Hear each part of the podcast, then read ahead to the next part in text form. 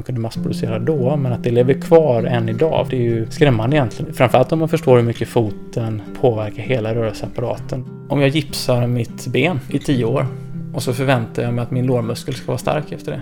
Det är i princip så vi gör med stortåmuskler. Löphastighet på ursprungsbefolkningen, barfota alltså. De kan springa i topphastigheter som liknar Usain Bolt när han vinner OS. Barfotaskor eller dämpade skor. Och det är ju nästan som två läger. Och sen är det inte så svartvitt som det kan låta.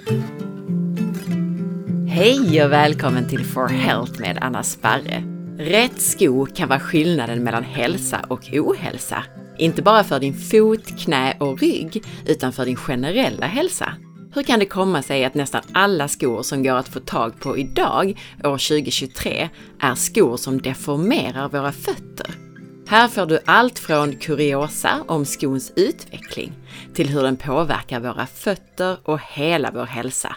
Och hur du gör för att välja en sko som gynnar din hälsa istället för att motarbeta den. Du kommer att förstå hur en sko bör vara utformad i förhållande till fotens och kroppens funktion. Hur är det med barfotaskor versus skor med dämpad sula? Hur är det med hålfotsinlägg? Gör de nytta eller mer skada? Detta är ett fristående avsnitt, men om du gillar det så lyssna gärna på förra avsnittet, 337 om fötter, så kommer du att få ännu djupare förståelse för det här ämnet. På naturshoppen.se får du 15% rabatt med koden SPARRE. Naturshoppen har produkter från mindre tillverkare som varsamt tar hand om råvarorna med fokus på whole foods och minimering av tillsatser. Där hittar du bland annat torskleverolja, kapslar med lever från gräsbetesdjur, talg, vitaminer, mineraler och Europas enda leverantör för RCP-protokollet. På nytoteket.se får du hela 20% rabatt på allt med koden SPARRE20. Jag använder själv bland annat bärpulver, C8 och MCT-olja från Nytoteket, och de har även kollagen och benbuljong. Jag finns på facebook.com forhealth.se och på Instagram som asparre. För att kunna producera en gratis podcast så behöver jag din hjälp att hålla den synlig. Gilla inläggen när de dyker upp i sociala medier och dela gärna med dig av avsnittet i en Facebookgrupp, på Instagram och till vänner. Och gå in och lämna din recension av podcasten i din podcastapp. Tusen tack! På forhealth.se hittar du mina e-böcker och du kan gå min distanskurs om du vill få grunderna kring kost, hälsa och viktnormalisering. Och så kan du boka mig som föreläsare, både online och på plats. På forhealth.se kan du även anmäla dig till nyhetsbrevet som kommer ungefär en gång per månad. Välkommen tillbaka Rasmus! Tack, roligt att vara här igen. Mm, och förra gången så pratade vi ju om våra viktiga fötter och alla möjliga konstiga fel vi gör med dem och varför det har så oerhört stor betydelse för oss och vår hälsa. Precis, verkligen. Och en återkommande grej var ju det här med våra skor, hur vi trycker ihop våra fötter i de här felaktiga skorna egentligen får man säga. Ja, i alla fall ur ett liksom evolutionsmässigt perspektiv på hur vår fotform ser ut naturligt så, så är många skor väldigt smala i dagens samhälle. Så är det. Om vi börjar med från början igen då. Mm. Berätta om skornas utveckling och historik. Ja, det gör jag gärna. Och för att kunna berätta det så måste vi backa bandet väldigt långt bak till historien till när vi egentligen från början gick barfota. Och sen kan vi besöka lite olika tidsepoker för att komma till nutid. Från början så gick vi barfota Eh, och då kan man tänka sig att man kanske råkar trampa på en sten eller något vasst föremål eller man hade ojämn terräng och att man helt enkelt ville naturligt skydda sina fötter från detta. Och först använde man ju lättillgängliga naturmaterial som djurhudar eller bark eller så för att eh, skapa en minimalistisk form av sko. Och så här höll det på under ganska lång tid av tidig mänsklig utveckling då det är fortfarande länge sedan, men om vi backar fram bandet lite till närmare oss här nu, så för ungefär 26 000 år sedan så ser antropologerna att det händer någonting med fotstrukturen hos människor. Och då är det nämligen så att man har sett att människor som går barfota får starkare och tjockare skelett i tårna jämfört med människor som går med skor. Och för ungefär 26 000 år sedan så såg man att det blev en förändring i fotstrukturen på människor, vilket betyder att man tror alltså att skoanvändningen ökade ganska mycket då.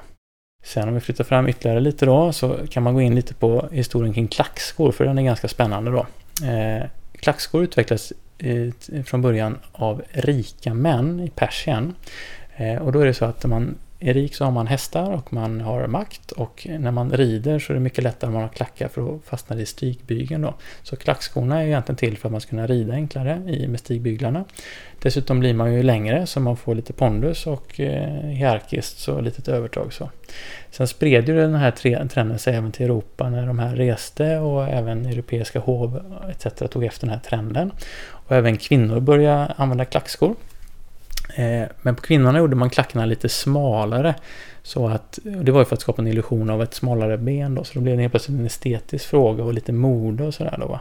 Och det är spännande då att i nutid så är det ju snarare så att det som har levt kvar är att eh, snarare kvinnor har klackskor och män frångick det då. Men från början var det ett funktionellt syfte och sen har mode och trender påverkat då. Och det är lite så det har varit genom historien. Och för att ta ett motsatt exempel då, så under antikens Grekland där ärade man verkligen människokroppen. Så där, eh, där var man barfota och man tyckte att det här med skor egentligen var löjligt och det var nästan bara på teatrar man ibland kunde ha det av något skäl.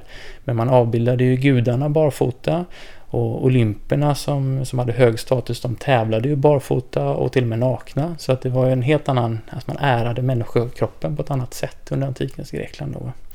Sen kom ju romarna och erövrade eh, Grekland så att säga. Och romarriket hade en helt annan syn på skor för de delade in eh, sin hierarki i militären med olika skotyper då. Så att skon, man kunde se på skon vilken hierarki man hade inom militären. Så de adopterade ju mycket av eh, grekisk kultur men inte just det här med, med skorna då. Eh, och för att ta kanske det mest extrema exemplet eh, i historien då på hur skor har påverkat våra fötter faktiskt så kan man ta kinesisk eh, fotbindning. Det kallas också liljefötter eller lotusfötter. Så att om du lyssnar på detta nu så är ju tipset att googla lite på lotusfötter eller liljefötter så får du se hur det här ser ut då. Och det, det, är ju alltså olagligt idag i Kina även om det fortfarande finns. Men det var ju under tusen år ungefär som det var väldigt utbrett. Och det började ju med att en kejsare gillade små fötter. Och så blev det en trend i samhället då att man band sina fötter för att göra dem så små som möjligt. Så man tryckte upp fötterna i en riktigt kompakt struktur. Och det, det blir svårt att gå på, det gör ont och sådär. Så man, man tror ju att det till och med har påverkat världskartan som det ser ut idag. För att eh, man tror alltså att kineserna har koloniserat mindre av världen för att det var svårt att ta med sig fruar. För att de hade svårt att gå med sina eh, fötter när de var konstruerade på det här sättet. Och även arkitekturen påverkas. Man har mycket enplans hus i Kina jämfört med resten av världen. Då tror man också var för att det var svårt att gå i trappor när man hade den här fotbindningskulturen. Då. Så att det är helt fascinerande hur, hur det har påverkat eh, oss då. Va? Och för att ta det lite mer till ett exempel som verkligen påverkar antagligen varenda sko du har hemma i hallen du som lyssnar. Så kommer vi tillbaks till den industriella revolutionen. För vad som hände då var att precis innan industriella revolutionen så gick du kanske till din lokala skomakare som handgjorde ett par skor till dig. Du gjorde en högersko och en vänstersko.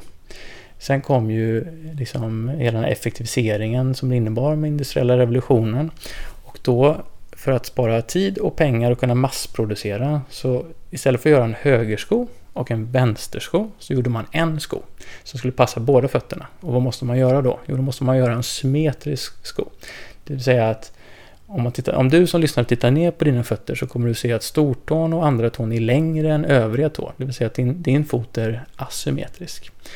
Och det säger sig egentligen självt då att om man gör en sko som ska passa båda fötterna, som egentligen är spegelvända mot varandra, så måste den ju vara symmetrisk. Vilket betyder att tårna måste tryckas in mot varandra. Så det är ju inte den mänskliga fotformen rent naturligt. Då. Och, och, jag kan ju förstå att, att det blev så för att spara pengar och, och, man kunde massproducera då, men att det lever kvar än idag, för i princip så är skorna formade så än idag, 2023. Det, det är ju skrämmande egentligen och när man tänker på det kan man nästan bli lite upprörd för att det framförallt om man förstår hur mycket foten då påverkar hela rörelseapparaten och, och indirekt kan skapa krämpor inte bara i foten utan även i knän, höfter, axlar och, och hela, hela kroppen. Då. Så anledningen att skorna ser ut som de gör idag, är det på grund av det här? Ja, alltså detta är ju eh, liksom eh, skons utveckling. Det finns klart fler kapitel, men det här är stora drag skons utveckling och varför det har blivit som det har blivit eh, idag då. Va? Sen har man ju med moderna skor också tittat på, alltså skapat när atletiska skon kom. Det vill säga att när man försökte få idrottare att springa i Nikes och sådär då, så började man ju skapa saker som, som det heter toe spring. Då är alltså stortån lite upphöjd för att man ska kunna rulla över över foten så att säga. Och man gjorde en upphöjd häl för att personer som hade då lite klackskor sen skulle börja springa utan en klacksko så fick de ofta ont i hälsenan för det blir en stor förändring och då måste man göra en atletisk sko med en häl också så att de, man tar alltså bort problemet och kan de springa i den men man har inte löst funktionella grundorsaken till att de fick ont från första början och sådär då.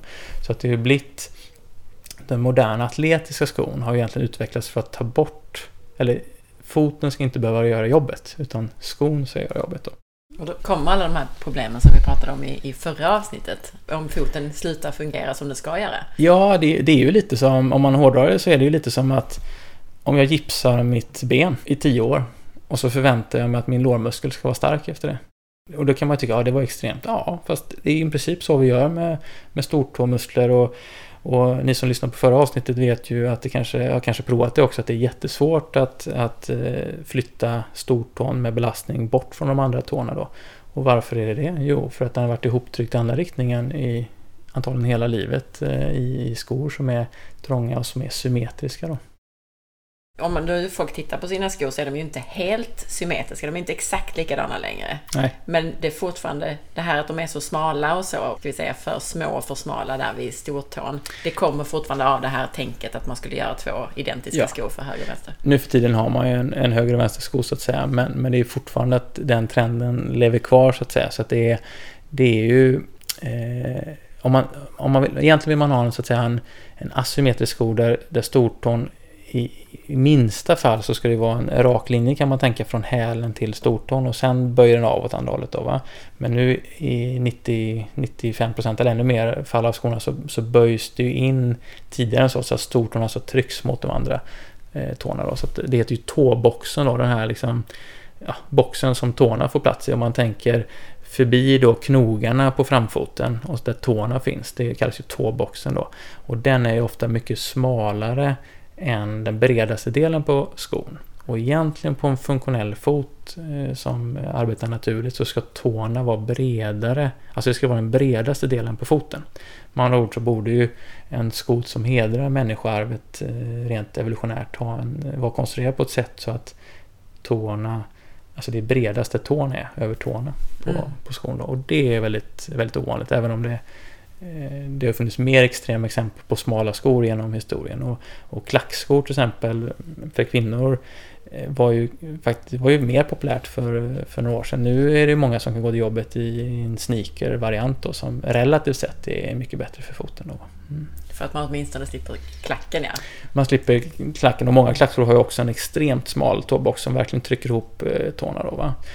Dessutom är det ju, är det ju så att eh, att ofta är sulan lite konkav på en, på en, eh, på en sko då, så att det trycker ner det främre fotvalvet lite så att det kollapsar. Och har du, har du dessutom en hög klack så står det ju lite nedförsbacke kan man tänka, så lägger man mer tyngd på framdelen av foten. Så kombinationen av en, en smal tåbox och tyngd mot framfoten det trycker ner det främre fotvalvet så att, eh, så att det liksom kollapsar kan man säga och då är det väldigt vanligt med smärta i, i framfoten. Då.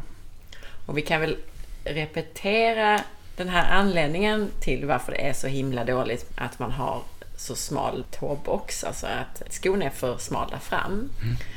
Det här med hur stortån egentligen ska vara vinklad berättade du ju då i förra avsnittet.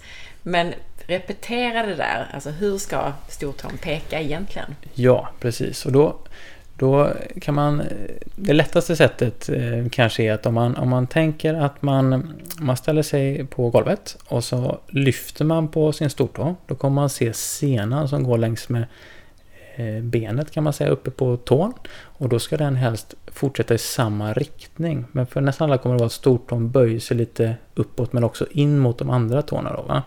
Ehm, så det är ett sätt att testa det på. Ett annat sätt är att man står på ett papper och så målar man av sin, sin fot. Då, va? Och det här kanske är mer korrekt sätt, det tar lite längre tid då, men att man målar av sin, sin fot så man får siluetten på foten.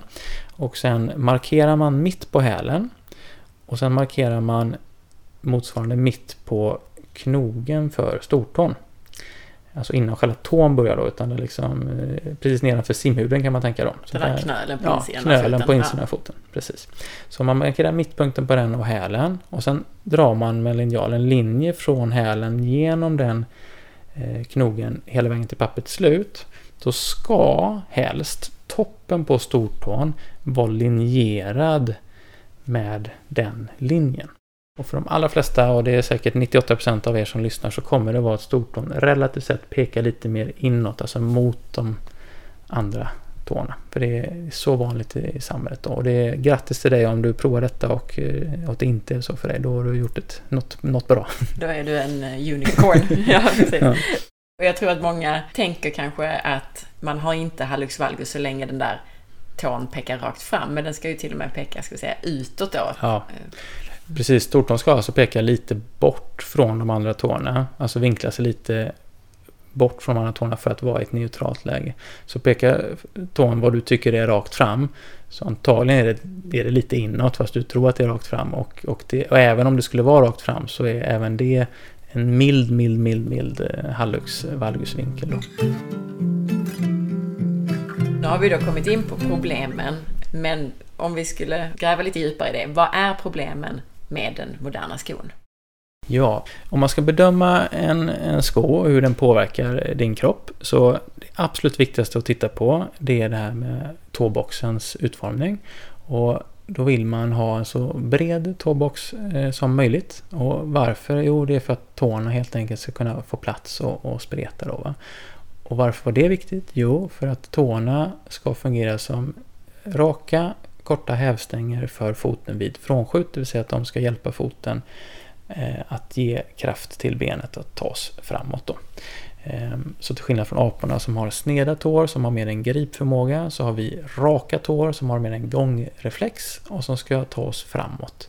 Och då är det klart, då behöver vi ju tår som kan peka framåt för att den här biomekaniken ska fungera och då behöver vi en tåbox som är bred nog för att tårna ska få plats att peka framåt. Där då. Och om man inte vet hur, hur, hur det är, ligger till så kan man, man kan ta ur sulan ur sin, alltså innersulan ur sin sko lägga den på golvet och sen ställer man sin egen fot ovanpå och spretar på tårna så mycket man kan så att det helst då är lite utrymme mellan stortå, eh, egentligen alla tår, men framförallt stortån och den andra tån ska det vara lite utrymme då. Va? Och då kommer ni antagligen märka att den här sulan är smalare än er tåspridning så att säga. Och då är, då är sulan lite, eller skon lite för smal för den naturliga fotpositionen som foten är konstruerad att ha. Ett annat sätt om man, om man har tåspridare eller tåseparerare eh, då kan man också sätta på sig sådana. För då, spred, då gör ju de att man spretar på tårna automatiskt. En del kanske har haft det när man varit på pedikyr och så. Då har man sådana för att spreta på tårna, måla naglarna och sådär. Men, men annars så kanske man inte kommit i kontakt med dem. Men, men tåspridare spretar på tårna lite grann. Och om man har på sig dem och får plats med sin fot i sin, i sin sko då är skon bred nog för foten. Men om det trycker på tårna från utsidan och det är lite obehagligt och obekvämt, då är tyvärr tåboxen, i alla fall ur ett funktionellt perspektiv, inte bred nog för att din fot ska ha optimala förutsättningar för att eh, jobba och stärkas på ett bra sätt. Så huvudsakliga problemet är att skon är för smal där fram? Yes, mm. definitivt. definitivt. Ja. Mm. Och mer då, du var inne på några saker där med rundad sula och så vidare. Ja, mm. Vi kan väl hoppa till en av de mest diskuterade frågorna som jag ofta får frågor kring också. Det är då, eh, för som skobranschen ser ut just nu så finns det ju liksom barfotaskor eller dämpade skor. Och det är ju nästan som två läger och, och de gillar inte varandra och lite sådär va. Sen, sen, är det inte så svartvitt som det kan låta i debatter och så men, men om, vi, om vi börjar med den här minimalistiska skon med, med liksom typ ingen sula alls, och så här 4 mm sula och och jättetunn då, som var poppis för några år sedan och det är fortfarande poppis ibland då att man eh, Alltså barfotalöpning, så här five fingers som är som tåskor och sånt där eh, fanns ju mycket då. Va? Och om man säger så här Fördelen med det är ju att man får kontakt med marken, det vill säga att man får, man eh, får bättre sensoriskt input till hjärnan för att man är närmare marken och man har inget mellan sig själv och marken eller så lite som möjligt i alla fall. Då, va? Eh, har man en funktionell fot, det vill säga om man har stark ankel och man har starka tår och man har en rörlig fot eh, så klarar man av att röra sig en sån utan att få problem utan du snarare kanske mm, stärker, fortsätter stärka foten och tränar upp din fot på ett positivt sätt. Då, va? Nackdelen med en sån sko dock är ju att det kräver verkligen sin fot. Det kräver en naturlig fot med styrka. Och ska vi vara krassa så är det väldigt få i dagens samhälle som har sådana fötter. Det vill säga att Eh, Eh, det är väldigt vanligt att man, eh, när man byter sådana skor, om man nu gör det, att man får ont, man får hälsporrar, man får eh, hälseneproblem och man får... Det blir en chock för systemet. Och, och metaforiskt kan man ju jämföra det med att till exempel då ha gipsat sitt ben. När man tar bort gipset så är det inte så att man går direkt och kör tunga knäböj med det gipsade benet också, utan man, man börjar ju en rehabprocess för att ta sig tillbaka till där man kanske var innan. Och har man då gått i moderna skor med smal tåbox under hela sitt liv så blir det en väldigt stor omställning att byta till exempel en minimalistisk eh, sko. Jag tänkte också apropå det du sa i förra avsnittet då, om hur steget ska vara och sådär. Och just det här när, när folk börjar springa då i sina barfotaskor och de är vana vid att landa på hälen i, i löpsteget. Då förstår man ju verkligen varför man får problem om man inte tränar upp det först. Verkligen, så att om man nu ska byta till minimalistiska skor så är det jätteviktigt att man ser till att man har en fungerande fot som kan svikta. Och framförallt den här bromsdelen som vi pratade för eh, avsnitt om att när man landar då, nu pratar vi gångcykeln så ska man landa på hälen och då ska ju foten liksom kunna Eh, kunna eh, förlänga sig och pronera så att fotvalvet ska sänka sig som en sviktande fjäder då, va? så man tar upp den belastningen. Men har man då till exempel en kompakt fot som vi pratade om i förra avsnittet, att det är lite stumt och man har höga fotvalv, då har man ju oerhört svårt för detta. Och så om du lyssnar på detta och har höga fotvalv, eh, då ska du nog jobba på det lite innan man byter till minimalistiska skor, om man nu är sugen på det. Och jag har haft många som, som också har vittnat om det, att man, man bytte till de skorna för man gillade idén med att det skulle vara naturligt och sådär. Man fick lite hälsoproblem, var tvungen att byta tillbaka och förstod egentligen aldrig riktigt varför. Men sen tittar man på den personens foto, då är det vanligt att det är väldigt kompakta fötter, alltså väldigt supinerade fötter eller med höga fotvalv alltså. Och då, då funkar ju inte bromsfunktionen och då är det inte så konstigt att benhinnor eller hälsenor tar stryk när man dessutom tar bort all dämpning då. Just det, för det var den sortens fot som var för, hade för dålig rörlighet i mellanfoten. Exakt. Mm, mm. just det. Bra. Mm. så att det du säger här är att egentligen är det ett problem med den för tjocka sulan, men man kan inte gå från en för tjock sula till en för tunn sula. Precis, eftersom vi kulturellt har gått med någon form av tjock sula, nästan alla av oss, ett, ett helt liv egentligen, så, så, så har ju många muskler förtvinat och det blir en väldigt stor omställning då. Va? Eh, om vi tittar på den dämpade skon lite då, så klart fördelen med den då är att det kräver ingen större fotfunktion. Alltså för skon så att säga gör jobbet då. Det skulle man kunna säga är en fördel. Men sen är det ju ändå så här då att en fot kan aldrig, en fot kan aldrig, även om man försöker vara positiv nu, så en fot kan aldrig kompensera kroppens egen stötdämpningsmekanism. För det, det har ju tagit några miljoner år att bli den fantastiska eh, liksom, kropp som vi människor har. Då, va? Och det är klart du menar att, att en sko kan inte kompensera för det? Eller? Nej, en sko kan inte kompensera ja, för det. Eh, och jag brukar ju ta det här exemplet då att om man hoppar eh, hopprep så eh, vill man ju liksom hoppa på framfoten för att det ska vara mjuk skön svikt och då använder man ju fotens sviktförmåga. Men om man hoppar på hälen bara så blir det ju väldigt stumt och inte så skönt. Och det är klart, hoppar du på hälen barfota så är det definitivt inte skönt. Men även om du har en sko med dämpad så är det inte det skönaste att hoppa bara på hälen och inte använda foten alls. Då. Så att en, en sko kan liksom aldrig kompensera fullt ut för den, för den funktionen. Även om den så att säga är dämpad. Då. Men det som händer då om vi går omkring i de här jättetjocka dämpade mm. sulorna, skorna, så förtvinar till slut fotens egen funktion och, och dess mm. muskler, eller? Vi kan, precis, vi kan titta på lite olika. Om vi börjar med om man har en klack då. Alltså när jag säger klack då menar jag även en modern gympadoja för att då är hälen högre än där tårna är så att säga. Det kallas ju dropp i skon då. Va? Så att då betyder det att det är lite som att stå i en nedförsbacke om vi överdriver lite. Att man har en viss lutning inne i skon. Så att, att man får alltså mer tyngd på framfoten än på hälen relativt sett. Då, va? Och, och, det har de flesta skorna. Och det, dels, dels så blir ju hälsenan i ett kortläge jämt då. Va? Så att, och som kroppen funkar, det vi inte använder, det, det tar vi bort så att säga. Så det förtvinar eller man förlorar den förmågan. Så att rörligheten i hälsenan och vaden blir ofta mindre om man går väldigt mycket i en sån sko. Sen blir det också att eftersom man står i en, i en framåtlutning så hamnar det mycket mer tryck på alltså främre delen av foten, alltså framfoten. De här, det heter metatarsalhuvudena, men det är alltså ja, huvudet på eh, eh, tålederna kan man säga då, alltså på undersidan av foten. Och där blir, de är ju inte konstruerade att ta den belastningen för egentligen då så ska ju tårna vara hävarmen. Så att tårna finns ju där för att de ska fungera som en rigid hävstång för att vi ska ta oss framåt. Men om vi tar bort tårna och så lägger vi trycket istället på eh, liksom, där simhuden är kan man säga, så lite ovanför, alltså knogarna för, för tårna. De, de är liksom, ska inte ta den mängden belastning. Och vad som ofta händer då är att för skor är dessutom, moderna skor är ofta lite konkava i sin, sin struktur, så att dessutom så kollapsar gärna det främre fotvalvet. Och det kan man ofta märka, om man tittar under sin fot så kan man ofta se hudförhårdnader liksom mitt på framfoten.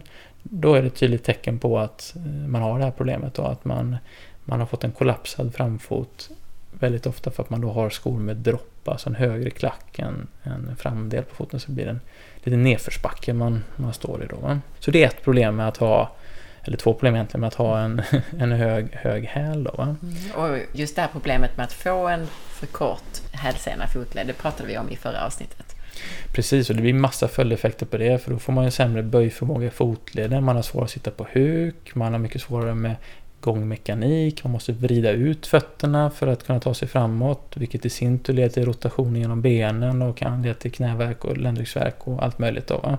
Som vi som sagt gick in på i förra avsnittet. Mm, och dålig hållning i överkroppen. ja, ja, precis. Det tar inte, tar inte slut så att säga. Nej, så att, eh, så där, där har vi det. Men sen har vi också en, en annan företeelse som heter toe spring och det betyder att stortån är lite, lite upphöjd så att säga då, va?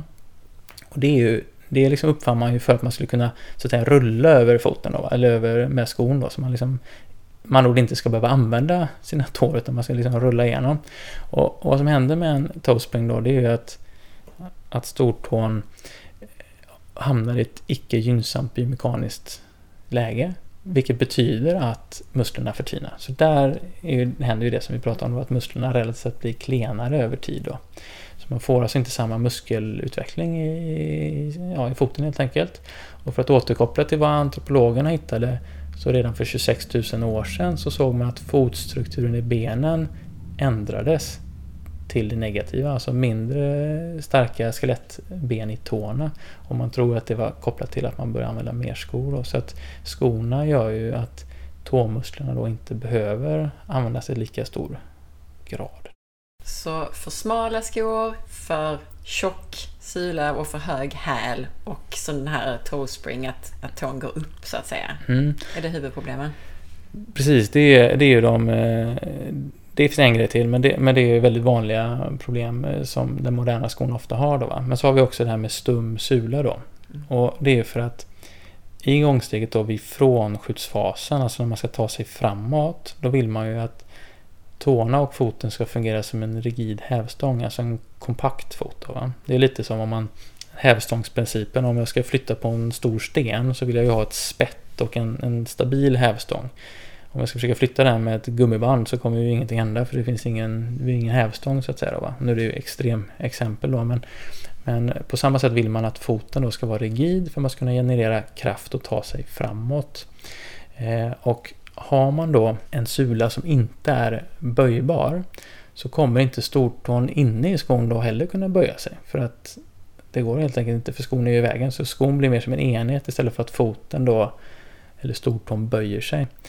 Och kan inte stortån böja sig så kan inte fotens struktur blir kompakt vid frånskjutet och blir den inte kompakt vid frånskjutet så har vi mycket svårare, får vi en sämre hävstång och då får vi mindre utveckling av våra sätesmuskler, baklår och vader. Då, Just det, för när du säger rigid och, och, så, så är det ju fortfarande att det ska vara, finnas en böj där ja. bakom tårna så att säga. Exakt. Och det är svårt om då sulan på skon är helt stel. Så det du menar är egentligen att den, den ska vara mjukare, att att man ska kunna ta sin sko och kunna böja den utan problem fram och tillbaka. Och framförallt eh, ungefär där stortåleden går då. Va? Så att eh, man behöver alltså inte kunna knyckla upp hela, hela skon, men man behöver kunna böja den vid stortåleden så att det blir en bra böj eh, där. Så att man kan ta ut rörelsen i stortåleden. Då.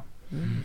Och det här, det här är ju väldigt spännande för att återkoppla till vår mänskliga evolution igen då. Så, så har man ju antropologer också tittat på löphastighet på aboriginer, alltså ursprungsbefolkningen i Australien.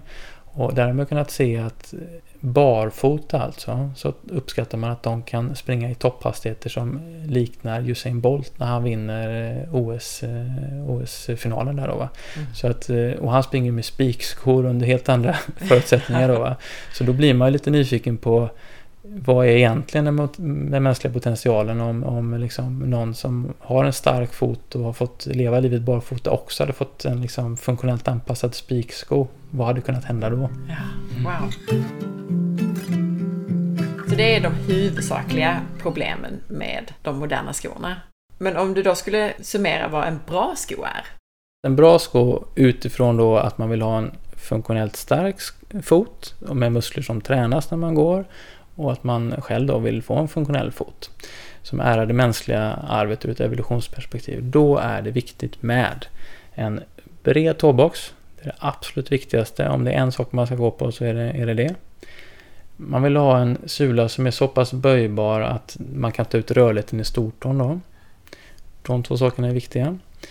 Och det, och det, är egentligen det viktigaste, för om vi tittar på till exempel sulans tjocklek då, så beror det lite på vilka underlag man rör sig på. Rör man sig mycket på gräs och på naturligt mjukt underlag så kan man ofta klara sig med en mycket tunnare sula då. Va? Men rör man sig på asfalt och betong och, och, lite mer onaturliga underlag som är väldigt hårda och stumma, då behöver man antagligen lite mer dämpning då. Så att jag har inte en tydlig åsikt att det alltid är bättre med typ minimalistiska skor eller alltid är bättre med dämpade skor utan det beror lite på hur rör man sig i livet? Vad har man, vad har man gått i hela livet? Eh, vad är kroppen van vid? Eh, är man mycket i naturen? Är man mycket eh, på ett stenhårt golv på ett lager? Alltså hur ser livet ut då? Va? Men det som alltid är viktigt det är att man ska ha en bred tåbox och att man ska ha en böjbar sula så att stortån kan göra sitt jobb på ett funktionellt sätt. Jag vet inte om vi nog betonade det denna gången, men i förra avsnittet så pratade vi ju om just det här med att om nu stortån får vara i sin naturliga riktning, vilket är då lite utåt kan man säga, så har vi den här viktiga balansen som blir så pass mycket bättre än om vi då trycker in den mot de andra tårna. Och vi pratade ju om just det här att balansen är kopplad till hälsa på väldigt, väldigt många sätt. Ja men verkligen, det, är så viktigt. Jag ska, jag ska tillägga också att att helst ska det inte vara någon dropp i skon. Alltså det ska vara en neutral sko i höjdskillnad. Alltså ingen höjdskillnad mellan häl och framfot. Det ska vara platt. Ja, den ska vara platt. Så man ska alltså inte, man ska alltså inte stå i en nedförsbacke så att säga. Sen är det många som förväxlar då att det kan vara platt men ändå vara dämpad. Så att jag säger alltså inte att den inte får vara dämpad men den ska inte vara i en lutning så att säga. Mm. Så man ska ha helst 0 mm dropp men upp till 3 mm dropp kan vara okej. Okay. Men, men mer än så då börjar det bli lite nedförsbacke och då ökar trycket på, på framfoten. Bred vid tårna, den ska vara rörlig i sulan, särskilt framme där. Ja. Så att tårna kan böjas. Och den ska vara eh, platt. Ja, ja. ja. Då har vi en bra sko. perfekt. Jag tänkte på det här också nu när vi pratar om eh, dåliga egenskaper och bra egenskaper. Inlägg, hur är det med det? Hålfotsinlägg, ja precis. Ja, alltså till att börja med så eh, de har sin plats. Har jag en akut hälsporre och knappt kan gå så jag har helt förstört rörelsemönster och jag tar på mig ett inlägg och jag då kan gå och smärtan minskar. Då kan de ha sin plats i ett akutläge, alltså en akutfas. Då, va?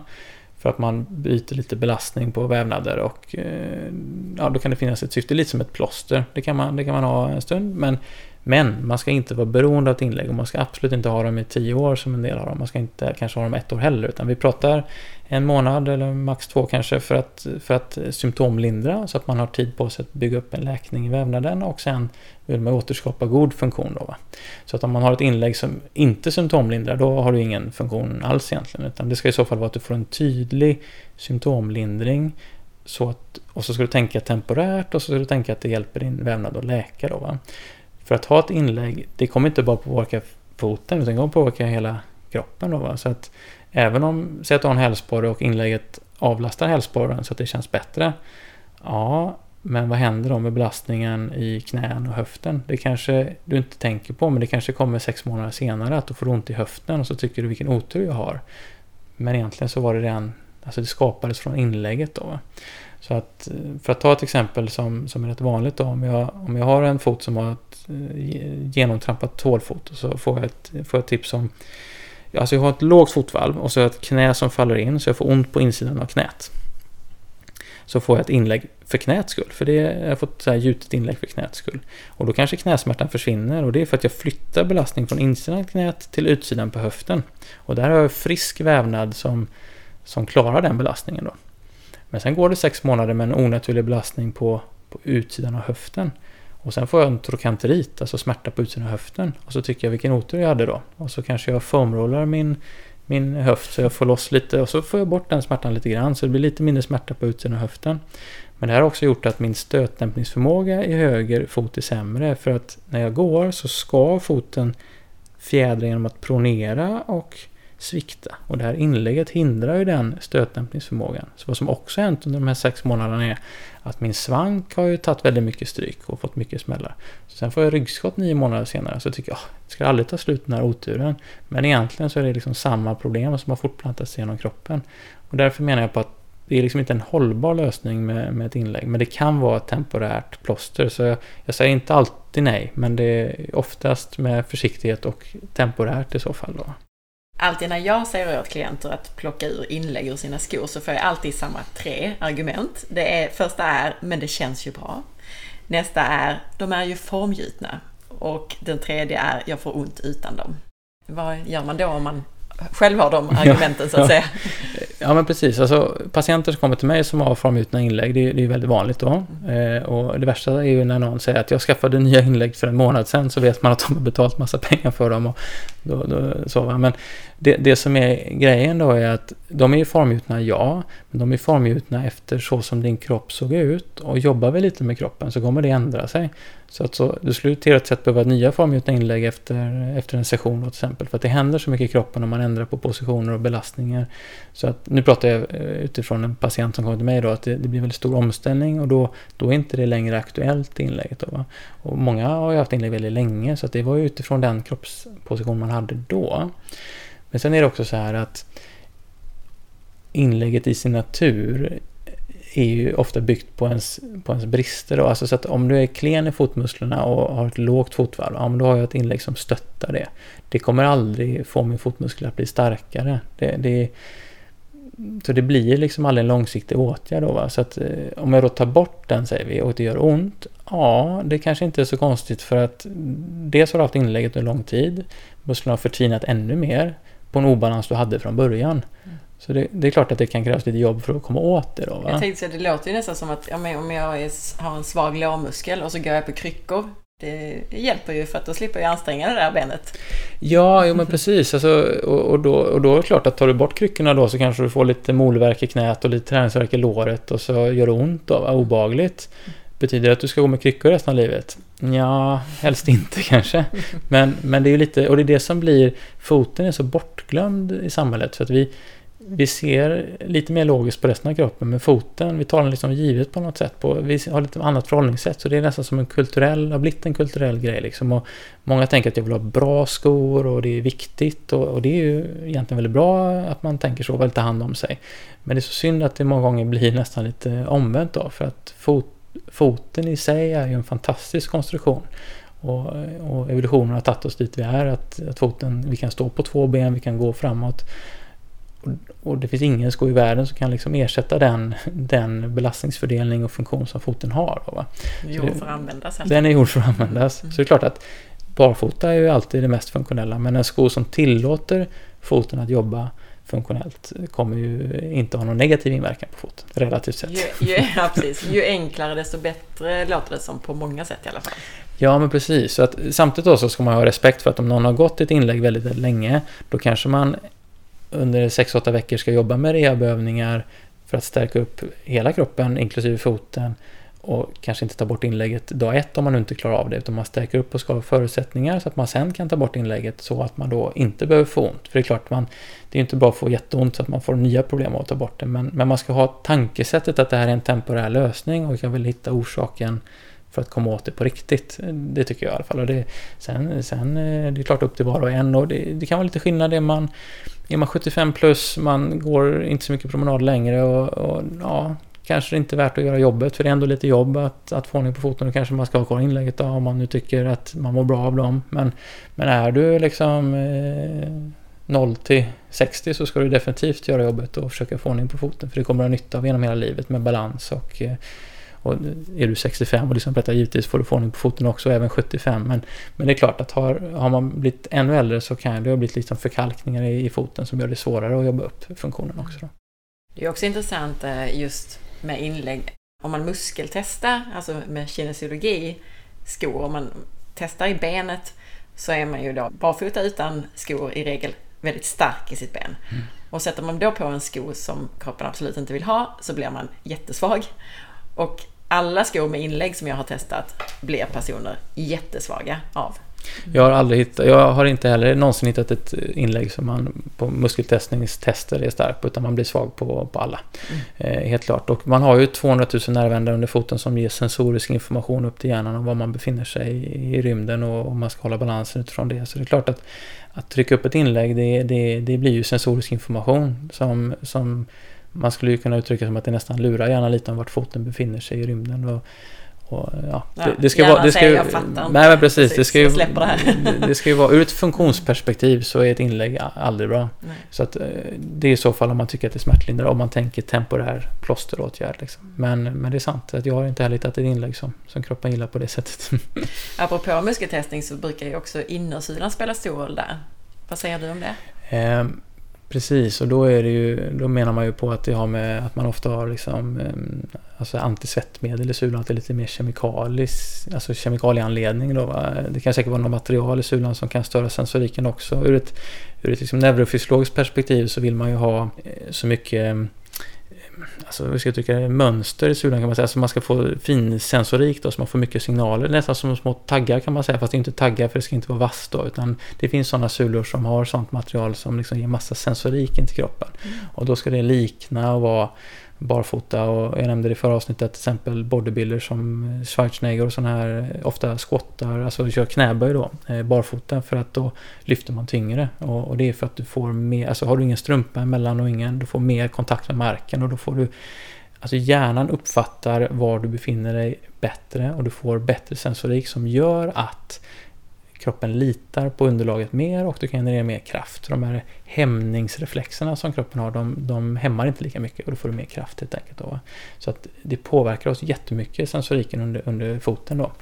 Eh, helt enkelt. Så vilken sula som är bäst där. Jag har, inte, jag har inte muskeltestat en sån sula som jag pratar om, så jag vet inte hur det funkar muskeltestningsmässigt. Men jag vet att det finns sådana sulor som, som ska ge ökad sensorik eh, till, till hjärnan. Då. Mm, spännande. Ja, och om man eh, inte har koll på det här som vi pratar om där med att man kan muskeltesta och så, så har jag gjort eh, avsnitt om kinesiologi, bland annat med Ulf Kilman. Och vi har ett filmklipp just på hur man kan testa skor med muskeltestning. Så det ligger på forhealth.se, så går att söka fram där. Du kom ju in här på begreppet pronation. För de som inte lyssnade förra gången, vad betyder det egentligen? Eh, pronation och förenklat kan man säga är ju att när, när fotvalvet blir lägre, alltså det blir mindre utrymme mellan marken och fotvalvet, så har foten som helhet pronerat. Då, va? Och ofta har man ju då pronationsstöd, till exempel inläggen eller i skor också. Alltså man köper, man går och gör en löpanalys på löplabbet eller något liknande. Och så säger de att du pronerar när du springer och då får man ofta en sko med pronationsstöd. Då, va? Och man ska ju inte överdrivet pronera för då, då kommer knät falla in och så kan det bli följdeffekter inom kroppen. Men, men man ska pronera lite, alltså det, alltså det är en del av inbromsningsmekanismen när man springer. Att man ska pronera och sen ska man svikta iväg och få eh, eh spänst i steget så att säga. Då, va? Så att om du inte har någon pronations eh, Eh, rörelse så blir det också väldigt svårt att få en sviktrörelse. Det är lite som en slangbälla kan man tänka. Om du inte hamnar i ena ytterläget så kommer du inte kunna hamna i andra ytterläget då. Så att eh, om du ska springa snabbt och effektivt så behöver du ju då kunna pronera och sen svikta iväg. Och en, en sko då med pronationsstöd eller ett inlägg med pronationsstöd det stödet eh, betyder att det hindrar pronationsrörelsen. Då. Det vill säga att, och det är, tanken är ju att en person som pronerar för mycket då inte ska kunna göra det. Men vad som också händer är att foten inte kan pronera alls, eller väldigt lite, eller i alla fall mycket mindre. Och då blir ju såklart spänsten relativt sett mindre också. Den här slangbälleffekten blir mindre då. Så att det är mycket bättre tycker jag då att man tränar upp eh, sina muskler så att man kan pronera och man också kan svikta på ett, på ett bra sätt. Så du får en fjong genom systemet med dina egna muskler istället. Då. Och det behöver inte ta så lång tid som det kanske känns när man lyssnar på detta. Och vill man förstå detta ännu mer på djupet så kan man då lyssna på vårt förra avsnitt och vi pratar ännu mer om det här med hur steget ska vara och relation och så. Mm. Hur är det med strumpor då? Ja, alltså strumpor har ju också en, en ihopdragande verkan på tårna ofta då, så att man Alltså tips ett är ju att köp snarare för stora strumpor än för små. Eh, och, och framförallt till era barn för att eh, barnstrumpor som drar ihop tårna eh, påverkar fotens biomekanik och, och det är inte positivt helt enkelt. Då, va? Ehm, och, så att, och det kan man nästan känna själv om man har strumpa, alltså en klassisk strumpa på sig så, brukar, så kan man känna att den drar alltså stortån och lilltån mot varandra. Ehm, och de är sydda på ett sånt sätt att de gör det. Och det är ju inte optimalt av samma anledning som att en smal tåbox, alltså en smal sko, inte heller är optimalt. Då, va? Så att det finns ju det finns lite olika alternativ. Då. Så eh, tåstrumpor är ju ett alternativ då. Det vill säga att varje tå har en liten strumpdel om man säger då va? Som, som fingervantar? Ja, exakt, mm. exakt. Eh, och det är, jag har det själv just nu, det är, det är väldigt behagligt. Det är väldigt skönt. Har man väl börjat, alltså man bara går på sin egen känsla, om man väl börjat använda det så vill man gärna använda det. Sen ser de ju lite lustiga ut så man kanske inte alltid vill ha dem i alla sociala sammanhang om man beror på hur, hur obrydd man är så att säga då va? Men, men, eh, men de är väldigt bra för foten och funktionellt sett då va?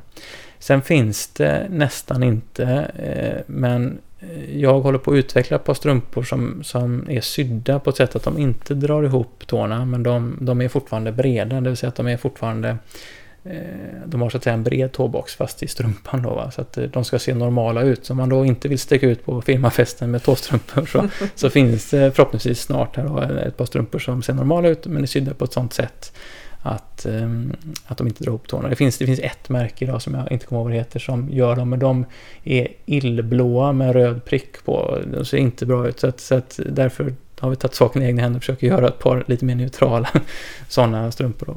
Ja, apropå det, vi ska komma in också på, för ni har ju också tagit fram skor. Men innan vi gör det tänkte jag, hur gör man egentligen när man ska välja skor? Ja, alltså vi pratar om de här olika kriterierna för vad är en, vad är en bra sko. Så att eh, de tycker jag man ska ta med sig. Eh, man kan ju veta om att, att det tyvärr är hyfsat svårt i många klassiska skobutiker att hitta en sko som uppfyller de här kriterierna jag pratar om. Då, va?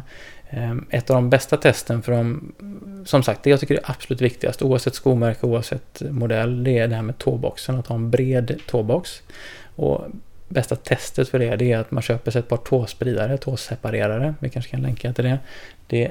Och då kan man trä på dem, sätta på sig dem och se om man får plats in i, i skon eh, med dem på. Och får man det, då är tåboxen bred nog, det vill säga då gynnar det din fotsfunktion. Och får man inte det så är tyvärr den skon lite för smal för dig. Så att det är ju egentligen ett hett tips då att man, att man eh, införskaffar ett par sådana och eh, när man ska testa skor. Och de är relativt sett billiga jämfört med att köpa en ny sko så att det, det kan vara en värd investering. Sen är det ju det här då att man vill helst, man kan fråga i butiker efter en nolldropp. Det heter nolldropp när man har en platt sko, det vill säga att det, den kan fortfarande vara dämpad men platt. Det vill säga att det ska inte vara en lutning då. Va? Toespring eh, ska man helst inte ha den när, när det pekar upp då på så ska man ju fråga efter det också. Men om det är lite grann kanske inte det hela världen. Det är mycket viktigare med en bred tåbox och en zero drop då. Och sen kan man själv ta tag i skon och liksom böja den och är den liksom helt stum då om man försöker alltså trycka tårna och hälen mot varandra kan man tänka. Alltså, i, alltså man håller i skon med händerna och så trycker man liksom tådelen av skon och häldelen av skon mot varandra och försöker böja skon då va. Eh, och om den är helt stum då, då, då tillåter inte det att fot eller tåmusklerna jobbar som, som tänkt. Då. Och det var viktigt att den var mjuk där fram vid tårna. Det är fram vid mm. tårna, så man vill ju se att den böjer sig ganska lätt helst vid stortån ungefär. Där ska det böja sig då. Och man ska inte behöva ta jättemycket för att den ska böja sig där helst då. Så inget dropp, den ska vara relativt mjuk under sulan och definitivt bred där fram. Ja. Det låter ju som att det inte är någon sko som jag hittar i min vanliga butik. Nej, det, det, är inte helt lätt. Det, fin det, finns eh, kanske några få modeller, men det är inte helt lätt. Och sen ska jag säga en sak till också som är, som är rätt viktig. Att, att om man till exempel om man springer på ett löpband och ser hur man springer så ska man med skorna på springa bättre eller samma. Alltså tekniskt så ska det, det ska kännas bättre eller samma. Och om man eh, om man, då är, om man gör till exempel ett utfallssteg eller en, ett bäckenlyft eller någon form av styrkeövning barfota eller i strumpor först och sen tar på sig skorna och gör samma övning så det kännas minst lika stark med skorna på. Man ska alltså inte känna sig klenare med skorna på. Då är skon inte bra för dig. Om jag känner mig klenare? Mm. Mm. Mm. Så testa den i butiken också helt enkelt. Ja, mm. och det är, ju ett form av muskeltest. Man kan slå ett muskeltest också om man behärskar det. Men, men det blir ett egen test som är lätt att göra. Men apropå att det kanske är rätt så svårt att hitta en bra sko. Du har varit med och tagit fram en sko. Ja, men det stämmer. Och för den här, när jag nördade in mig för några år sedan nu på fotens funktion och eh, ville jobba med det och hjälpa folks eh, funktion, även mina egna fötter, så, så märkte man att man kunde förändra ganska mycket och ganska snabbt. Så att få väldigt positiva förändringar i foten och det kändes väldigt, det känns väldigt härligt att få, få bra fötter igen. Eh, men sen kom ju steget då när man skulle stoppa in foten i en sko. Och det var, även om det finns, eh, alltså det finns ju barfotamärken som man kan tänka sig att man köper. Men, men även de som, och jag letar verkligen inom hela marknaden, så, så är de lite för smala i sin tåbox. Och det finns ju, många känner kanske igen Filigrans och Vivo och Zero Shoes och sådär. Men de, de, är lite för, för smala i sin tåbox eh, även om de eh, är så att säga marknadsför sig som breda i sin tåbox. Så det blir ändå inte den här funktionella linjen för stortån. Då, Och sen var problemet också att jag gillar att springa. Eh, och, och jag är relativt funktionell skulle jag säga. Så jag har ändå gjort, jämfört med många i alla fall, gjort mycket träning i min egen kropp och, och kan springa bra. Eh, men även för mig att springa väldigt långt med sådana här riktigt minimalistiska tunna skor. Eh, jag fick aldrig ont ont men jag kände att det var inte så bra för liksom hälsenor. Alltså det kändes inte så positivt. Sen kunde man kanske haft mer tålamod och sådär Men, men om jag som är en hälsonörd har svårt att anpassa mig så tänker jag att gemene man har väldigt svårt med den förändringen då. Va? Så att det var lite en frustration då att man som skobranschen såg ut så var man tvungen att välja mellan en jätteminimalistisk barfotasko eller en jättedämpad klassisk Nike-sko. Då, va?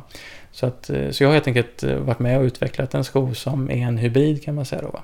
Så att det, det är alltså en, en klart tjockare sula än den klassiska barfotaskon. Men sulan är helt böjbar, det vill säga att fotmusklerna kan jobba som det är tänkt. Eh, det är en bred tåbox så att man kan ha då en intakt eh, fot, eh, alltså kraftlinje för stortån så att stortån kan stärkas upp på ett bra, på ett bra sätt. Då. Så att i den kan ju foten jobba som det är menat då liksom. Och den, den passar då Alltså om man då har haft dämpade skor hela livet. Man kan kanske inte kan börja springa i den för det blir en för stor omställning. Men man kan absolut promenera i den. Så det är en promenadsko, en vardagssko Eh, för egentligen vem som helst oavsett bakgrund. Om man då vill börja träna upp sin, sin fotmuskel utan att riskera att man får massa hälsporrar och, och, problem. Och bara att gå i en sån typ av sko, alltså inte träna fotrehab utan bara gå i en sån sko under sex månader ökar muskelstyrkan med 60% om man tittar på muskelvolym och styrka. Då, så det blir en ganska drastisk förändring eh, fotträning som kommer lite gratis så att säga. Och dessutom då kan man ha tåspridare på sig i en sån eh, sko. Eh, så får man den här linjeringen och så får man eh, både rörlighet och styrketräning på köpet egentligen. Då. Så även om man inte gör alla de här övningarna som, eller det var inte så många, men de här övningarna som du rekommenderade att man gör för sina fötter i förra avsnittet. Även om man känner med sig att okej, okay, jag gör faktiskt inte dem.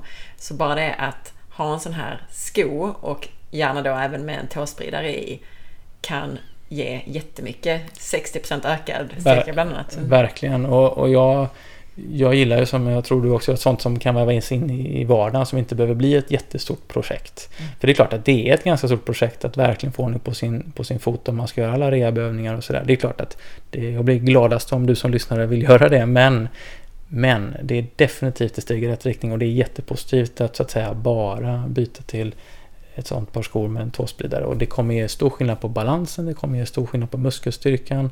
Och, och man behöver egentligen inte... Eh, I studierna så behöver man gå ungefär 70% av tiden i skorna. Så det är inte så att man inte kan gå i sina klackskor på festen eller det är inte så att man inte kan gå på firmafesten och andra finskor. Utan det handlar ju bara om att man största delen av sin vardag eh, använder dem som promenadskor och vardag, vardagsskor. Och att man såklart också kanske passar på att gå barfota på sommaren i, i gräset. Jag fick ju se era skor här nu då och eh, även prova dem och sådär. Och särskilt nu då efter att vi hade fixat med mina fötter och tår och så. Och jämfört med andra sådana här barfota liknande skor så var detta den bredaste jag har sett. Och jag tänker också att när jag nu fick testa att jag undrar om jag skulle kunna få in fot med tåspridare i andra barfotaskor. Det, det, det beror lite på om man har en bred fot eller inte. Du har en ganska bred fot, jag har en ganska bred fot. Jag får absolut inte plats i till exempel en Vivo med mina tåspridare eller de här klassiska barfotamärkena. Då, va? Så att eh, har man en bred fot, vilket, eh, vilket många har, så, så, så går det inte har man en väldigt smal fot, och det är klart att det finns ett spektra, folk som har smala fötter och breda fötter, så kan det gå med klassiska barfotaskor med tåspridare på sig. Så det, och det, det är bara att testa, ta på sig tåspridare och prova.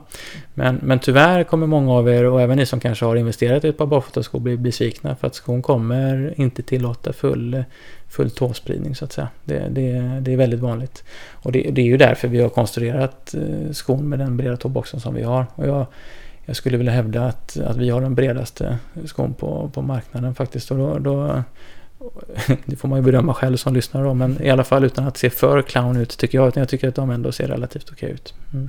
Mm, ja, men det fanns alltså en anledning. För jag vet att du har sagt att du letade ju verkligen efter en bra sko. Och du hittade inte någonting som du tyckte var optimalt. Så det är mm. därför du har tagit fram det.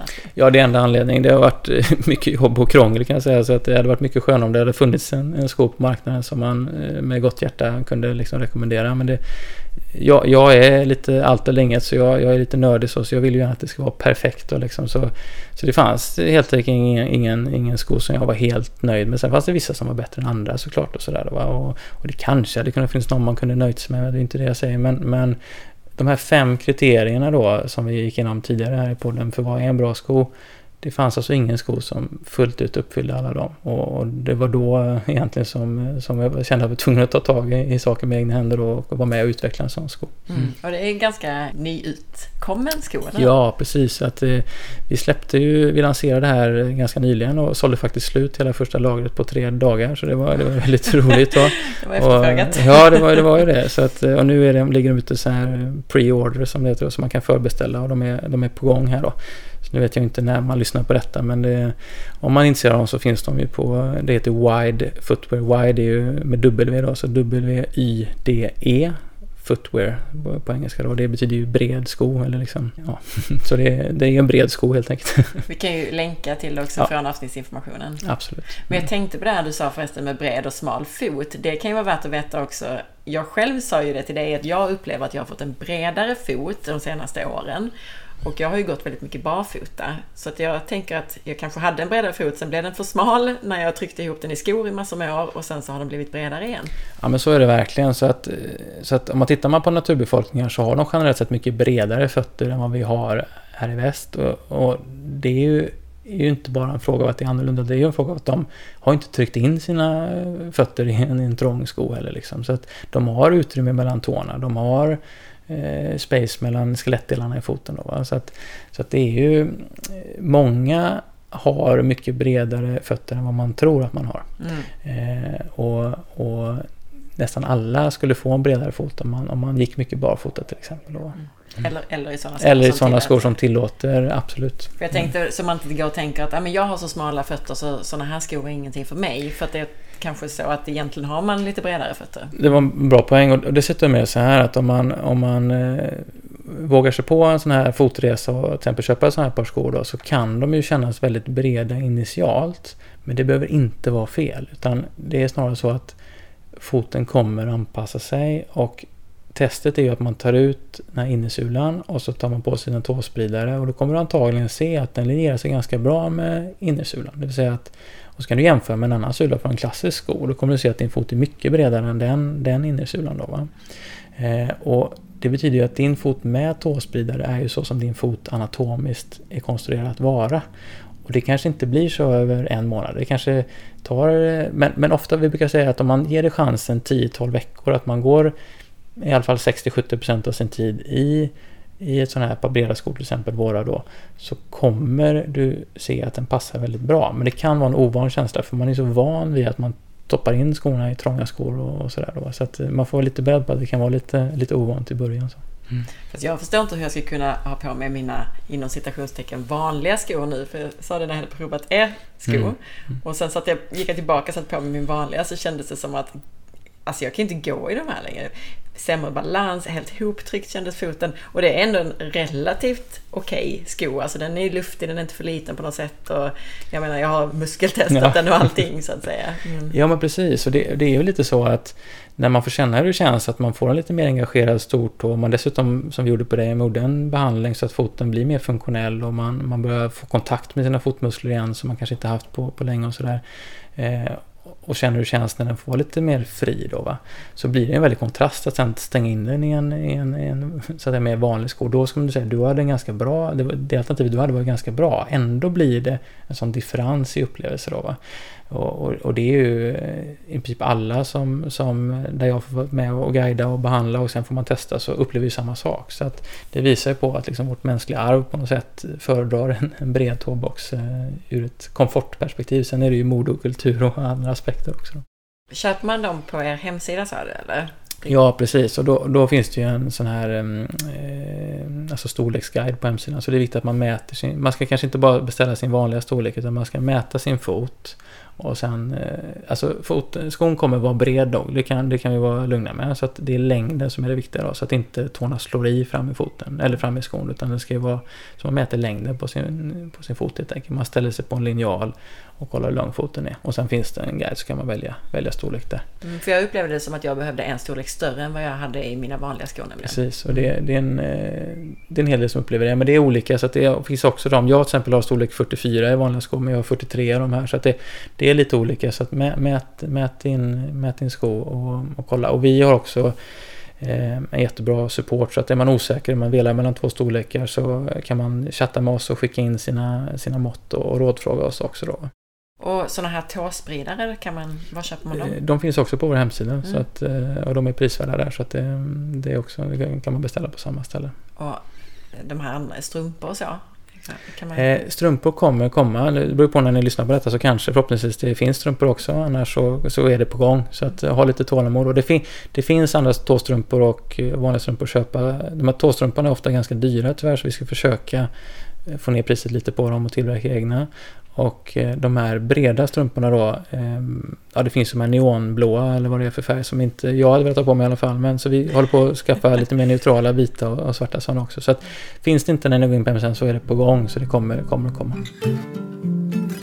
Du är dessutom med och driver världens hittills största studie på skors effekt på vår fot. Ja, ja precis. Berätta om den studien. ja, nej, men precis. Så att vi, vi är ett team på eh, fyra eller fem personer. Det beror lite på om vi får med oss en kameraman eller inte. Men vi ska åka ner till eh, Sri Lanka i tanken och eh, titta på just hur skor påverkar våra fötter. Då. Så vi, det har gjort sådana här studier tidigare fast i mindre skala. Det vill säga att man har tittat på olika naturfolk och jämfört med Eh, alltså folk som bor i eh, städer och går i mer moderna skor så att säga. Så man vill alltså jämföra hur ser en fot ut hos någon som har kanske gått barfota med någon som har gått med moderna skor. Så allting som jag egentligen pratar om i det här avsnittet så vill vi göra den hittills största studien på det. Så det finns studier som man kan referera till på detta. Men det är relativt, eh, eller alltid relativt, men det är lite mindre urval och så är det ibland på olika genetiska grupper. Det vill säga att man tittar på, man jämför alltså inte samma genetiska pool och då finns en del då som menar på att det borde man göra. Så det tänker vi göra nu då. Vi åker ner till Sri Lanka och varför vi gör det här är för att då finns det ju det finns ju en del av befolkningen som eh, rör sig väldigt mycket barfota och, och jobbar eh, på åkrar och rör sig mer naturligt så att säga. Då, va? Och så finns det ju också eh, staden, innerstaden då, som är mycket mer modern så att säga. Då, va? Och eh, det finns ju till och med liksom familjer där ena bröderna har flyttat in, brodern har flyttat in till stan och andra bor kvar på landet. Och vi hoppas ju kunna hitta de personerna så att vi kan jämföra med verkligen samma genetik då och se hur har detta påverkat formen på foten, hur har det påverkat balansen och sådär. Så, att, så det, det, har gjorts men inte i den skalan och inte med sån modern utrustning som vi vill. Vi tar dit, vi har en 3D-skanner som får en perfekt bild av hur foten ser ut. Vi har en sån tryckplatta där man ser exakt hur trycket är på stort och kontra lilltå etc. etc. Och så ska vi ta eh, högkvalitativa bilder då. Så att det finns ju bilder från äldre studier men vi vill ju ha nya moderna högupplösta bilder på alla de här fötterna. Så att vi siktar ju på 1500 fötter då som vi har eh, bilder på ihop med skor. Och, och så det, om inte annat blir det ett otroligt bild eh, bildprojekt hos ett arkiv. Ja, precis. Så, att, eh, så ja men precis, så att vi, vi håller på att satsa på detta. Mm. Okej, okay. ja. så då kommer ni se alltså vad händer med då, benen i tårna eller sådana Men saker, exakt, eller så man kommer se, man kan se vinkeln då på den hallux valgus vinkeln, alltså hur mycket stor tån är mot de andra tårna. Så man kan se den vinkeln. Um, och så kan man ju då, det kommer vara en, en del att man ser vilka skor har personen på sig. Då kan man till exempel se ett samband mellan, har jag en trång sko har de större hallux valgus-vinkel jämfört med de som kanske inte haft en trång sko och kanske gått mer i sandaler och sådär.